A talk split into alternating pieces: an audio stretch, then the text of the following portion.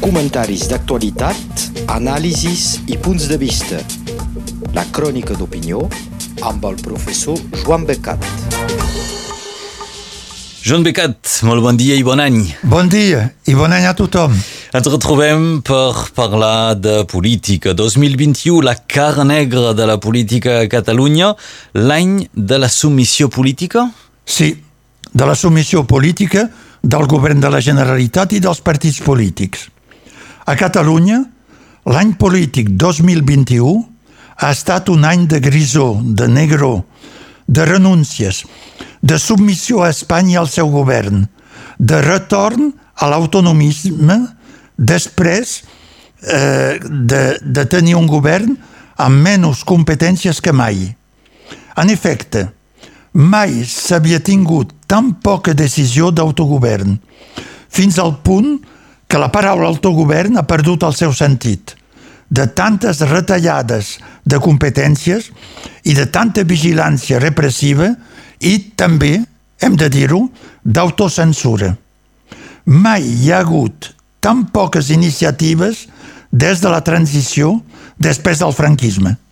Avui, sota la presidència de Pere Aragonès, l'autogovern de Catalunya no mereix més aquest nom. Mai Catalunya havia estat sota el control del govern de l'Estat com ara. El pitjor és que el govern aragonès no reacciona, no reclama res, només fa protestes, sense força ni pressions polítiques, quan les podria fer fàcilment, perquè el govern de Pedro Sánchez només s'aguanta amb els vots d'Esquerra Republicana. No hi ha hagut contrapartides polítiques pel vot dels diputats d'Esquerra Republicana a Madrid. Per exemple, la llei del treball o el català al cinema no són contrapartides polítiques, comparat a l'autodeterminació i a la independència. Esquerra ha assegurat amb l'aprovació del pressupost de l'Estat que Pedro Sánchez acabaria la seva legislatura amb tranquil·litat. Ha estat agraït? No. El govern de la Generalitat de Catalunya és tan baix, tan baix, que fins i tot l'oposició socialista a Catalunya i el govern de Pedro Sánchez a Madrid se'n riuen i ho diuen clarament. És acabat. 2021 ha estat l'any del retrocés en els dominis polítics a Catalunya mateix i en relació amb Espanya. Després del vot dels pressupostos de la Generalitat amb l'ajuda dels comuns, eh, Salvador Illa, el cap de fila dels socialistes a Catalunya, va declarar textualment amb els pressupostos s'acaba la via independentista. En la seva compareixença de cap d'any davant la premsa, Pedro Sánchez, l'he sentit fa pocs dies, i he pres notes, ha declarat que no vol renunciar a la taula de diàleg, com que, cosa que significa que per ara cap diàleg. Pel futur ja veurà si renuncia, però per ara no. Cosa que significa que eh, reunirà la, aquesta taula, ha respost la única prioritat és la lluita contra la pandèmia i restaurar l'autonomia. A una pregunta sobre el diàleg, doncs diu que no hi ha diàleg. Per tant, gairebé ell també compta amb anys. Per tant, el govern de Catalunya no vol renunciar a la independència, però no la demana ni la fa, i el govern d'Espanya no vol renunciar al diàleg, però tampoc no el fa. Per Pedro Sánchez, Catalunya ha tornat a la normalitat. Són les seues paraules. Diu, doncs, clarament que el moviment independentista s'ha acabat. Ho confirma a la roda de premsa deien que la Constitució és per sobre de tot, com sempre. O sigui que mai referèndum pactat. I que, diu, tant l'oposició com el govern la defensaran, units. Doncs, com fins ara, cap progrés en vista per Catalunya. És a dir, que les renúncies i l'ajuda del govern de Pedro Aragonès i d'Esquerra Republicana a Madrid no han servit de res. Pedro Sánchez ha estat, doncs, molt clar i no varia. Ell fa els seus deures de govern espanyol no fa res per resoldre el problema polític de Catalunya, perquè per ell no cal. Per tant, és clar que és Catalunya qui no fa els deures. No pren cap iniciativa. si vol avançar cap a la independència, cosa que dubto, el govern aragonès i el Parlament s'haurien de moure, de veritat, i sacsejar la situació. I no ho fan. I aviam, com s'ha arribat en aquesta situació? Doncs, després del referèndum del 2017 i de la declaració d'independència, què ha passat?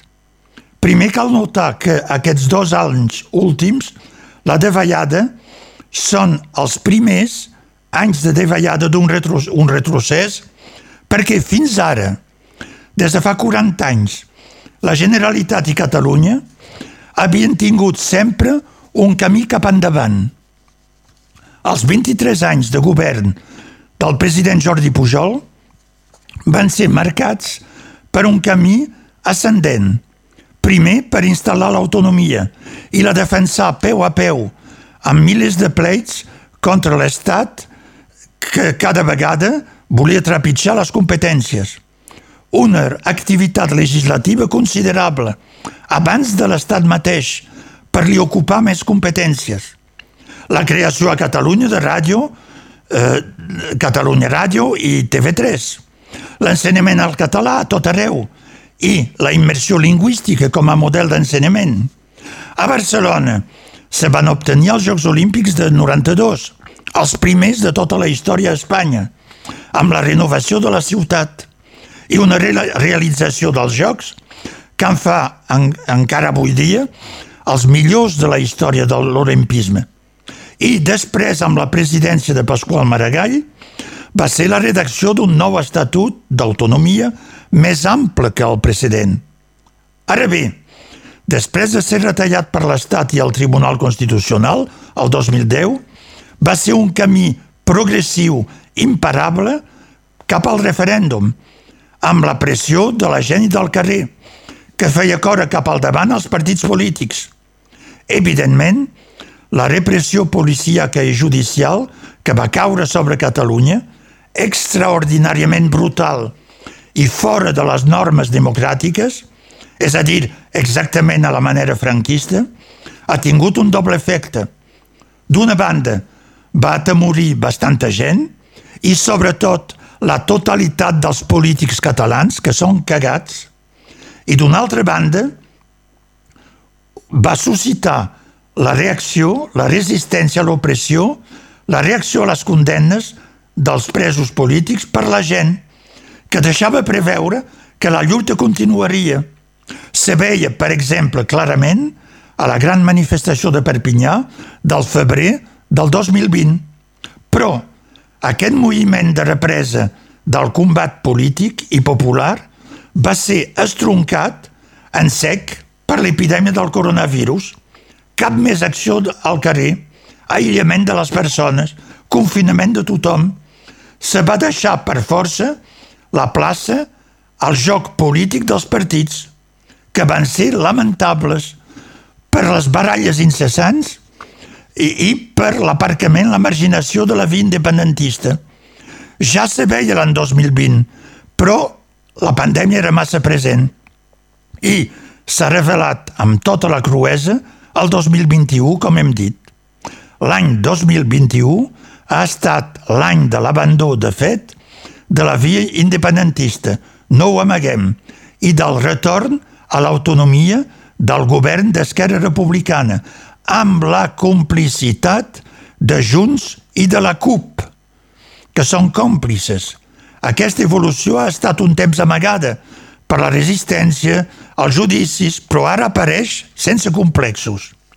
Esquerra no ha amagat mai la seva reticència a la via unilateral i va anar al referèndum arrossegant els peus. Se va saber després per les investigacions dels periodistes. Volia i vol diàleg amb l'Estat, que ell no el vol, el diàleg. I, sobretot, Esquerra volia governar Catalunya. Les decisions del Parlament de Catalunya del febrer del 2021, les eleccions, li han donat la presidència del govern de la Generalitat per un sol diputat. Més que de liderar un front de partits independentistes, què podia fer? Com s'havia fet a l'època del president Mas i del president Puigdemont, Esquerra ha triat al febrer de dividir l'independentisme. Com ho ha fet? Doncs era clar que només podia formar govern amb Junts, que deia voler continuar el procés. Ara se'n pot dubtar. En lloc de negociar amb ells, Pere Aragonès va parlar primer als antiindependentistes del PSC i dels comuns, trencament.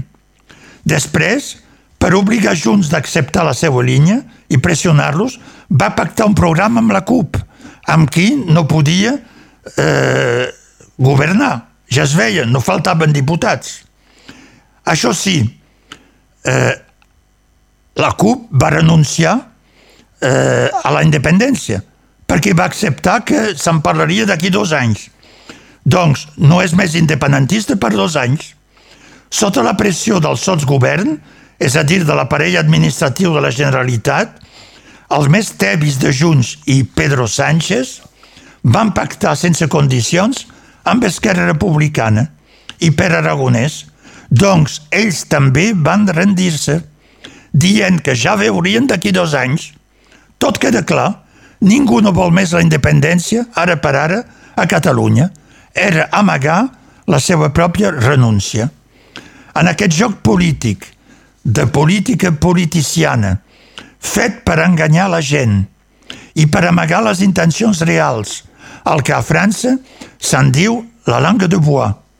És la CUP que més hauria de fer penitència i d'autoflagel·lar-se. Ells haurien de dir mea màxima culpa.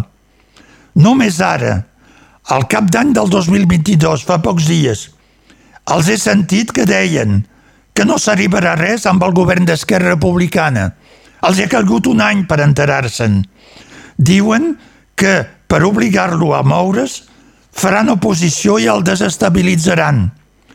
Nois, això només pot posar Esquerra Republicana en els braços dels comuns i del PSC, que ja ho ha dit, que s'havien cregut a la CUP les promeses del pacte que van firmar, que són tan ingenus en política que no han vist que ells serien només la bola d'un joc de billar a tres o quatre bandes, car entraven també els comuns.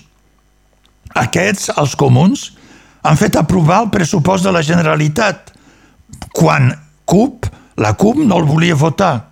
I per tant, els comuns i Esquerra van tallar l'herba sota els peus de la CUP. Eh, I perquè volien obligar el president aragonès a fer concessions. I per tant van quedar acollonits. Però de veritat tot ha estat negre? No tot ha estat negre, però per jo el principal és negre, perquè hi ha l'autonomisme i no es parla més de la independència. Fins i tot l'NC i Òmniums s'ha tornant tous. Ells tampoc no en parlen gaire. I el president d'Òmnium és amic de tothom, fins i tot dels oposants a la independència. I per tant amb això no s'anirà a cap lloc. 2021 ha tingut, malgrat tot, algunes bones notícies i algunes victòries, però sobretot a Europa, no a Catalunya, no a Espanya. I un despertar també d'una part de la gent s'ha vist el 21 de setembre, però no canvia la tonalitat general i grisa de l'any. Aquestes bones notícies, poques, les veurem eh, una altra setmana. Ho hem de deixar aquí per avui, Joan Becat. Moltes gràcies per haver doncs, fet un, un resum de com has vist aquest any polític 2021 a Catalunya Sud. Moltes gràcies. Bon dia a totes i a tots. Comentaris d'actualitat, anàlisis i punts de vista. La crònica d'opinió amb el professor Joan Becat.